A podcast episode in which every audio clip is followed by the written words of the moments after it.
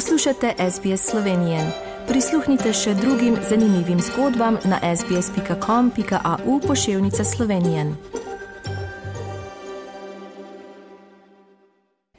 Pozdravljeni, spoštovani rojaki, cenjene rojakinje. Poletje se tudi v Sloveniji počasi preveša v zadnje izdihljaje, kljub temu pa vročina še kar ustraja.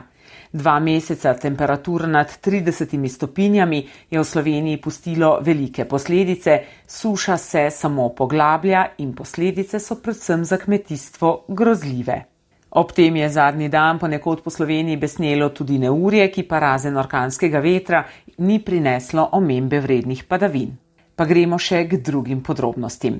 Gospodarski minister Matjaš Han je predstavil ukrepe pomoči, ki jih je vlada predvidela za gospodarstvo. Slednja je namreč potrdila besedilo predloga zakona o pomoči gospodarstvu zaradi visokih povišanj cen elektrike in plina.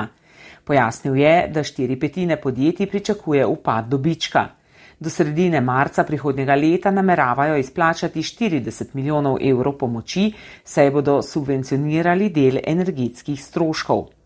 Gospodarska zbornica vladni zakon pozdravlja, a opozarja, da le ta naslavlja letošnji porast cen energentov, ne pa tudi zelo verjetne zaustritve energetske draginje za poslovne uporabnike v prihodnjem letu. Obrtna zbornica meni, da bi bilo treba kriterije za dodelitev pomoči popraviti, da bi bilo do subvencij upravičenih več podjetij, obseg pomoči pa bi moral biti večji.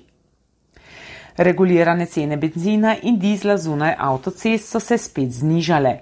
Za liter 95 oktanskega benzina je treba po novem odšteti 1,49 evra, kar je 4,4 centa manj kot doslej. Liter dizla pa stane 1,64 evra, s čimer se je glede na predhodno 14-dnevno obdobje pocenil za 3,5 centa. Gre za četrto pocenitev zapored.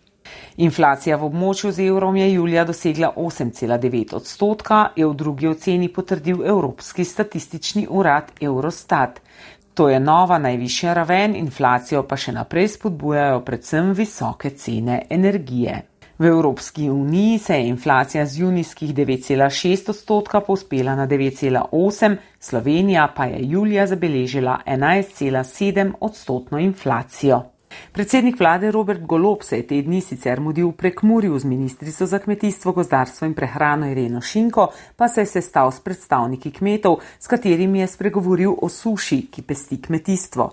Ob tem je napovedal, da bodo postopki za pridobitev pomoči stekli hitreje kot v preteklih letih.